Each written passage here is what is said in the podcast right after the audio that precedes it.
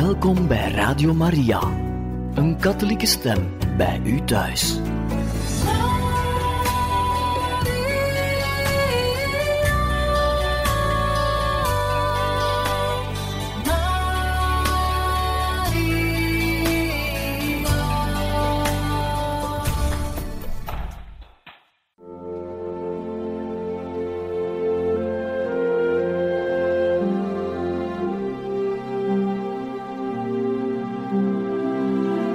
Beste luisteraars van Radio Maria, welkom bij het programma Catechismus. Een overweging bij de geloofschat van de kerk.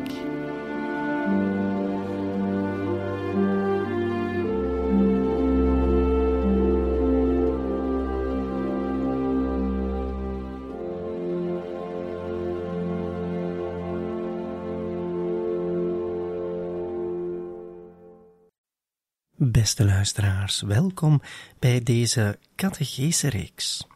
Vandaag beginnen we een nieuwe catechese-reeks over de heilige Theresia van Lisieux. Zij is een kleine heilige en tegelijkertijd een grote heilige. De heilige Theresia van Lisieux wordt ook de kleine Theresia genoemd, en dit tegenover de grote Theresia, de heilige Theresia van Avila die de Karmelorde opnieuw heeft gesticht. En we gaan het hebben in deze nieuwe reeks over dus deze heilige Theresia van Lisieux, de kleine Theresia. Zij is op 19 oktober 1997 door paus Johannes Paulus II tot kerklerares verheven. Dat had zij zelf waarschijnlijk volledig niet gedacht. Zij is al zalig verklaard geweest in 1923 en heilig verklaard in 1925 door paus Pius XI. Deze kleine karmelites was niet zo lang ervoor, in 1897, gestorven en dit aan tuberculose. Zij was toen 24 jaar. 24 jaar, gestorven, maar een leven volledig gegeven aan de Heer, in een slotklooster. Men kan niet direct geloven waarom zo'n persoon tot kerklerares verheven wordt. En toch heeft zij werkelijk iets bijgebracht aan de kerkleer. De leer van de kerk, want dat is natuurlijk het centrale punt wanneer men verheven wordt tot kerklerares, is iets dat groeit. Er komt altijd iets bij. Niet dat er echt vele zaken veranderen, maar er wordt op een nieuwe manier gekeken naar het evangelie en het geeft ons iets meer om zelf ook te groeien in de kennis van Jezus Christus en van de openbaring die God ons heeft gebracht. En de heilige Therese van Lisieux zal zoiets zeker aan ons geven. Iets nieuws. Een nieuwe ontdekking laten we het maar zeggen. Van de heilige Therese van Lisieux zullen we heel veel kunnen vertellen. Maar wat gaan we doen tijdens deze catechese reeks? Wel, dat is eigenlijk gewoon het leven van de heilige Theresia van Lisieux vertellen. Met het leven, wel, zullen wij ook de leer ontdekken die zij aan ons te geven heeft. De heilige Theresia van Lisieux heeft haar leven beleefd met die ontdekking die zij mocht doen vanuit de heilige schrift. En wij gaan die ook geleidelijk aan ontdekken. En misschien kunnen we die leer ook tot de onze nemen om zo te groeien in kennis van Jezus, in kennis van God. De heilige Theresia van Lisieux we moeten er ook nog bij zeggen dat zij patrones is van de missies. Wederom een beetje iets speciaals. Want de heilige Therese van Lisieux was, zoals we zeiden, een slotzuster. Zij was opgesloten en zij gaf zichzelf aan Jezus. Maar dat neemt niet weg dat zij een groot verlangen had om aan missiewerk te doen. De grootste liefde van Theresia was Jezus. En van daaruit wilde ze alles doen: evangeliseren, bidden, zichzelf offeren. En dit zal gebeuren in een karmelklooster, de karmel van Lisieux. Maar tegelijkertijd had zij de wens om te vertrekken naar Vietnam. In Saigon, dan ook in Hanoi, had de Karmel van Lisieux reeds enkele andere stichtingen gedaan. Stichtingen van karmelkloosters. En zij was van plan, en ze dacht ook dat dat haar roeping was, om naar daar te vertrekken als missionaris, maar toch ook als slotzuster, om haar eerste en grootste liefde, Jezus Christus, niet te vergeten maar ze zal vroegtijdig ziek worden en sterven op 24-jarige leeftijd, op 30 september 1897. Ook al is ze gestorven op 30 september, ze zal gevierd worden in de kerk op 1 oktober. En dat is ook het begin van de missiemaand, en als patrones van de missies is zij natuurlijk een goede manier, of haar feest althans, een goede manier om die maand de missiemaand te starten. Bij haar jonge dood zei ze: Mijn missie gaat beginnen, mijn missie om de goede God te doen beminnen, om mijn kleine weg te geven aan de zielen. Als de goede God mijn verlangen verhoort, dan zal ik mijn hemel volbrengen met goed te doen op aarde, tot het einde van de wereld. De heilige Therese van Lisieux toont zich een ware missionaris. Zij wil God doen beminnen. God komt op de eerste plaats. En dat is misschien bij deze inleiding op deze nieuwe catechese reeks ergens ook wel het belangrijkste. Het centrale punt. God doen beminnen. En daarvoor heeft ze, zoals het zelf ook zei, een kleine weg ontdekt vanuit de Heilige Schrift. En die kleine weg, wel, die gaan wij zeker ook bespreken tijdens de komende catecheses, hier bij Radio Maria. Wat we dus gaan doen, is haar leven bekijken. En door haar leven te bekijken, zullen we geleidelijk aan kunnen binnentreden in haar spiritualiteit. En ook al is ze kerklerares, en kan ons, ze kan ons dus een kerkelijke leer aanleren, haar leven en haar leer, haar doctrine, zijn onafscheidelijk. En daarom is het overlopen van haar leven een ware catechese. We gaan dus kort beginnen met een schets van haar leven. Even situeren. Ze is geboren op 2 januari 1873, gestorven zoals we zeiden op 30 september 1897. 24 jaar en een half is ze geworden. Zo'n kort leven, maar volledig gegeven en dus vruchtbaar. Dat moet ons direct doen denken aan de Heilige Schrift, waar er geschreven staat dat de graankorrel eerst in de aarde moet sterven om zo vrucht te dragen. Therese van Lisieux is echt vrucht beginnen dragen vanaf het moment dat zij het aardse leven voor het eeuwige heeft ingeruild. En zij heeft hetgeen dat ze op aarde heeft uitgedrukt als haar missie werkelijk beleefd. En daar hebben wij vandaag nog de vruchten van. Nogmaals herhalen wat ze zei toen ze ging sterven. Mijn missie gaat beginnen. Mijn missie om de goede God te doen beminnen, om mijn kleine weg te geven aan de zielen. Als de goede God mijn verlangen verhoort, dan zal ik mijn hemel volbrengen met goed te doen op aarde, tot het einde van de wereld. Wie van ons zou zeggen, wanneer men merkt dat men gaat sterven, dat een missie gaat beginnen? Dat op zich al is al een ware ontdekking. Zij ziet in dat het leven hier op aarde van korte duur is, zeer kort voor haar, maar dat dat niet het einde is, integendeel. Vandaar ook de titel van een boek waar ze haar geschriften en haar uitspraken van de laatste maanden hebben in genoteerd dat de titel draagt Ik ga het leven binnen. Ik sterf niet. Ik ga het leven binnen. Heilige Therese van Lisieux is ervan overtuigd dat haar missie werkelijk begint in het eeuwige leven. En dat is op zich al een ontdekking.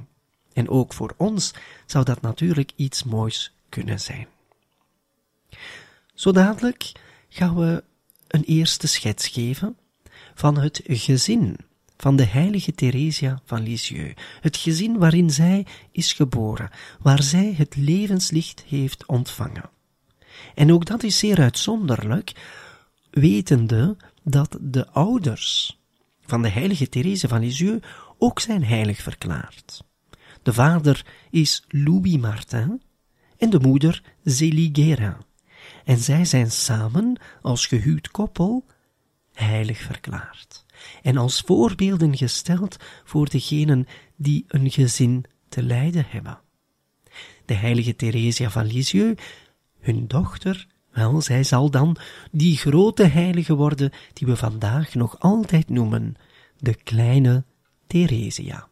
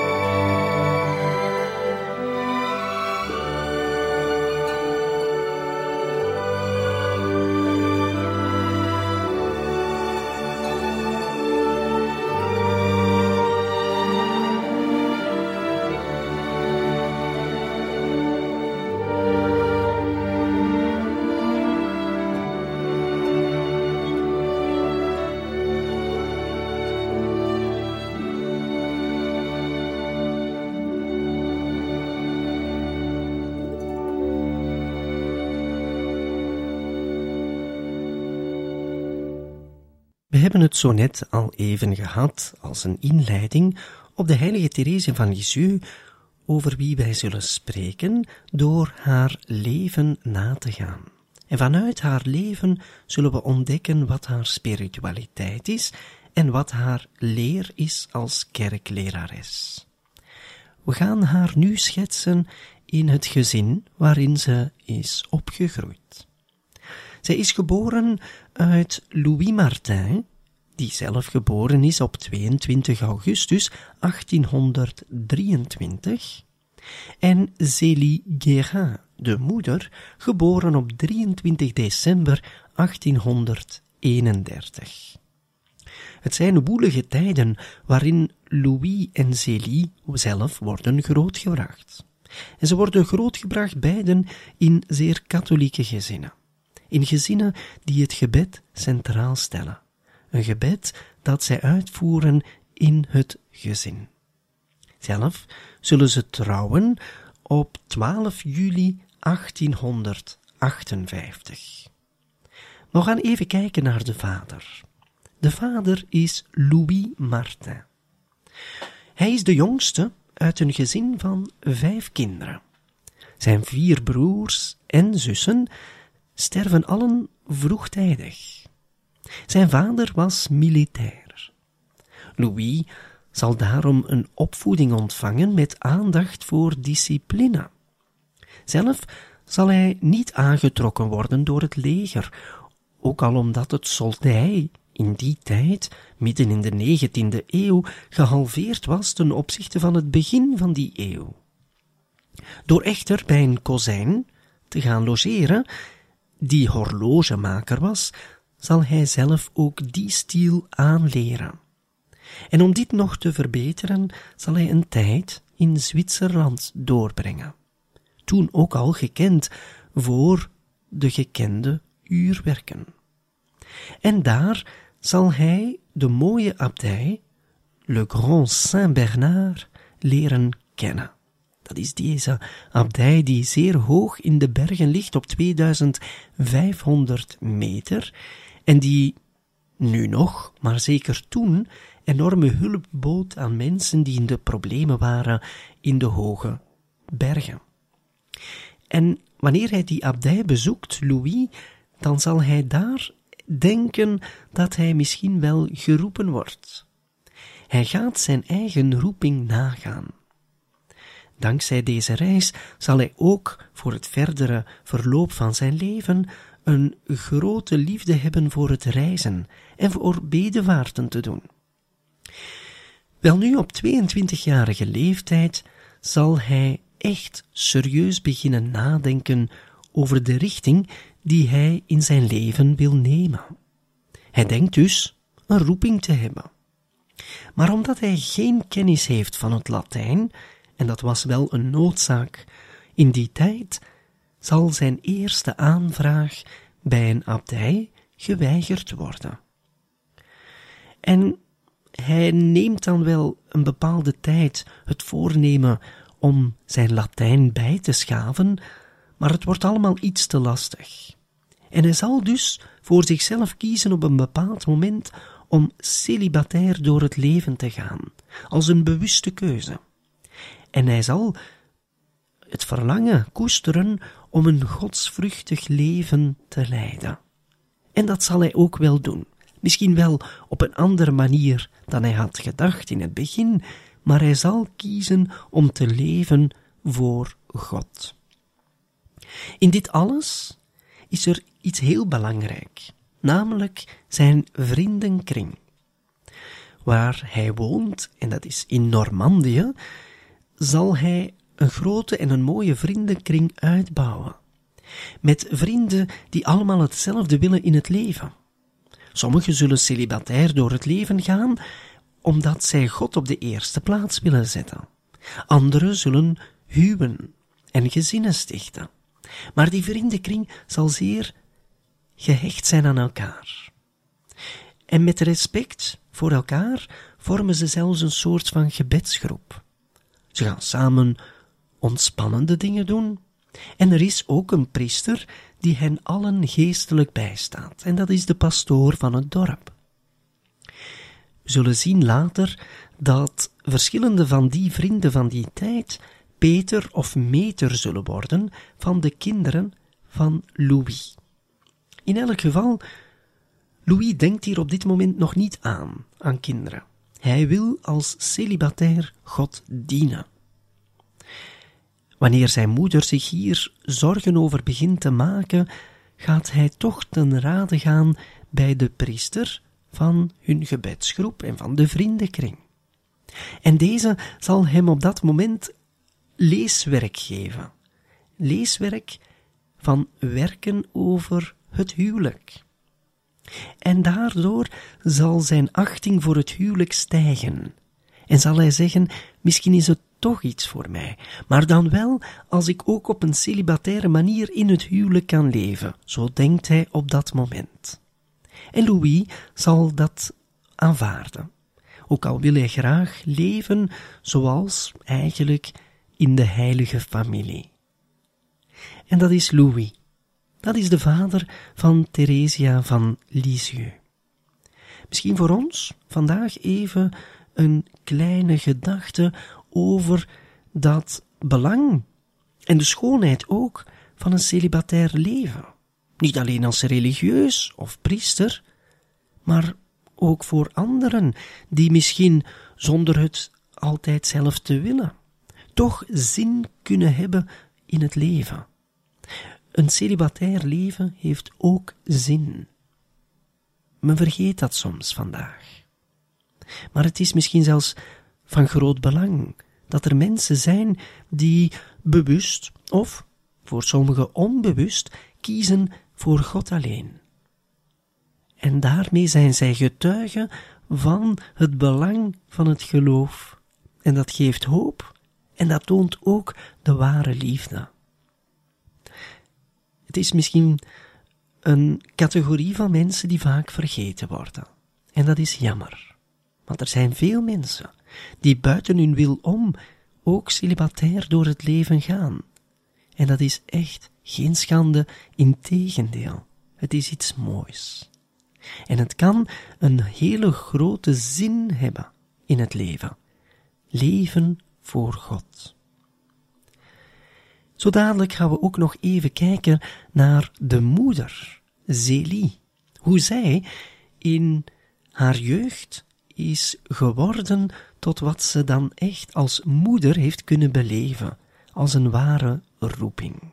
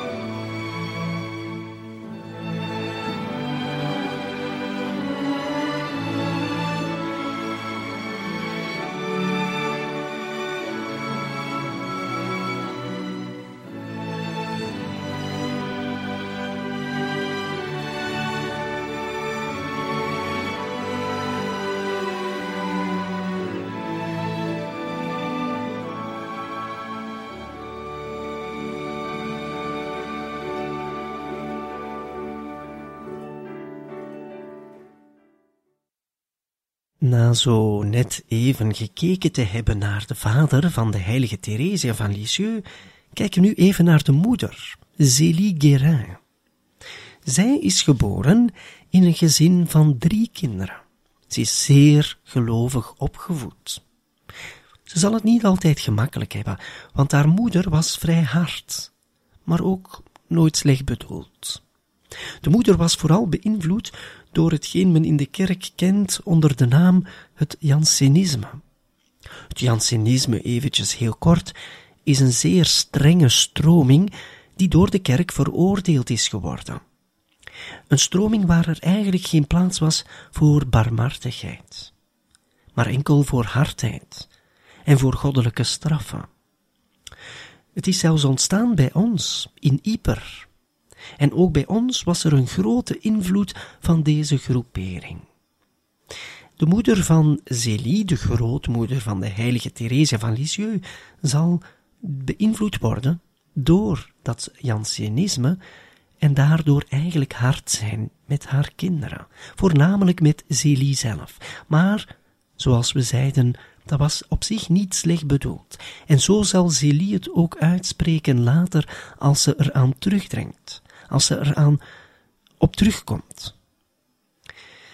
Wat doet Celie nog in haar jeugd, nadat ze goed en gelovig is opgevoed? Wel, ze zal leren om te borduren. De streek in Normandië waar ze woonden, is een streek gekend voor het borduurwerk. Het was zelfs een hele grote economische activiteit in die tijd. En Zélie leert te borduren en zal zo een goede financiële situatie kunnen verzorgen, ook later in haar gezin.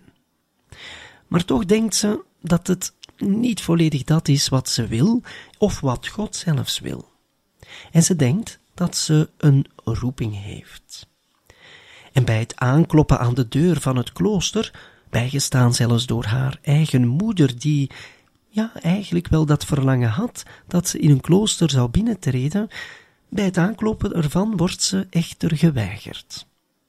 Ze wordt geweigerd, want de zusters van het klooster waar ze aanklopt ontdekken geen roeping in haar. En ze zegt dan in haar gebed, en ze heeft dat opgeschreven in een brief, een gebed tot God. Geef dan dat ik veel kinderen mogen hebben, zegt ze, die allen aan u toegewijd zullen zijn. Dat is haar gebed op dat moment. Ik kan niet direct volledig toegewijd worden aan u, mijn God, maar geef dan dat ik veel kinderen mogen krijgen die allen toegewijd zullen zijn aan u. Haar gebed zal verhoord worden. We gaan dat nog merken. Zoals we zeiden, Zélie heeft ook een zus en een broer, en haar zus, wel, zij zal wel in het klooster gaan. En ze zal een grote betekenis hebben in haar eigen leven, in het leven van Zélie. Ze onderhoudt namelijk een heel goede band met zowel haar zus als ook met haar broer. En het is op die momenten dat Célie en dan ook Louis, wanneer ze aan het nadenken zijn over de richting die ze willen nemen in hun leven, dat ze elkaar zullen ontmoeten. Een beetje onder invloed van de moeder van Louis, die door haar werk in een fabriek van borduurwerk Zélie zal leren kennen. En zij zal echt de persoon van Zélie zeer hoog achten. Ze ziet hoe goed ze is opgevoed, hoe gelovig ze is. En de moeder van Louis gaat Zélie aan Louis voorstellen. Louis en Zélie hebben dus een contact. En het is een goed contact. Ze liggen op dezelfde lijn. Ze willen God op de eerste plaats beide zetten. En ze zijn eigenlijk overtuigd dat zij voor elkaar bestemd zijn. Ze zullen zich verloven en de verloving duurt drie maanden en na drie maanden zullen ze trouwen. Louis was dan al 35 jaar, Zélie was 27 jaar. En na drie maanden verloving zullen ze trouwen op 12 juli 1858. Iets merkwaardigs is dat ze zullen trouwen om tien uur s avonds in het gemeentehuis waar dat ze woonden, om tien uur s'avonds. En om middernacht, dus de nacht van 12 op 13 juli op middernacht, zullen ze naar de kerk gaan om te trouwen voor de kerk. Dat wil zeggen dat het niet een groot feest was, het was gewoon een stap in het leven die ze beiden samen wilden zetten. Maar ze maakten er geen groot feest van, en dat gebeurde wel dikwijls als men het niet zo breed had en tegelijkertijd als men ook er niet te veel iets groots van wilde maken. In die tijd gebeurde het dus vaker dat men s'avonds laat ging trouwen. En dus, eigenlijk kunnen we vandaag zeggen, ze zijn getrouwd in intieme kring. En zo gaan ze hun leven samen tegemoet. Maar in de eerste maanden van hun huwelijksleven zullen ze, zoals Louis het wenste voor zijn eigen leven, eigenlijk het huwelijk beleven in onthouding. Die was de, dat was de grootste wens van Louis. En Célie zal zich daarbij neerleggen en ze begrijpt ook wel de drijfveer van Louis. God op de eerste plaats. Maar na enkele maanden, wanneer de pastoor van het dorp zal zien dat Louis en Zélie nog geen kinderen hebben, zal de pastoor hen vragen om een kind op te vangen. Het was een kind, een weeskind, die in grote problemen opvang nodig had. En Zélie en Louis zullen zich er voor een paar weken over ontfermen, en tegelijkertijd zal de pastoor ook zeggen, maar misschien geeft dit ook voor u een aanleiding om zelf aan kinderen te denken, want dat is de wens van God. En zo zal het geschieden. Louis en Zélie zullen in hun huwelijk meerdere kinderen mogen ontvangen. In totaal negen kinderen, een zeer groot gezin. Maar we zullen zien dat verschillende van die kinderen op jonge leeftijd, of zelfs nog als baby, zullen sterven. Nog even erbij vermelden dat Louis en Zélie in hun huwelijk het goed hebben, ook op financieel vlak. Ze staan sterk, dankzij de goede commercieinzichten van zowel Louis als Zélie. En ze zullen hierdoor hun kinderen op een goede manier kunnen doen groeien. Maar in hun gezin zal God op de eerste plaats komen. En dat gaan we zeker ook merken wanneer we het leven van Theresia van Lisieux zullen aanschouwen. Toch moeten we ook niet denken dat ze een heel gemakkelijk leven hadden, want ze zullen geconfronteerd worden met de dood. Heel vaak. We hebben het al laten uitschijnen dat meerdere van hun kinderen op zeer jonge leeftijd zullen sterven.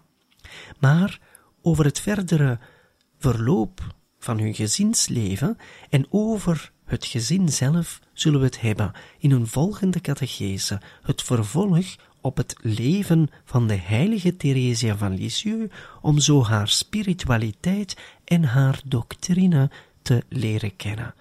De doctrine die draagt eigenlijk de titel van de kleine weg. En het is die kleine weg die wij zullen ontdekken door deze catechese-reeks bij de bespreking van het leven van Theresia van Lisieux.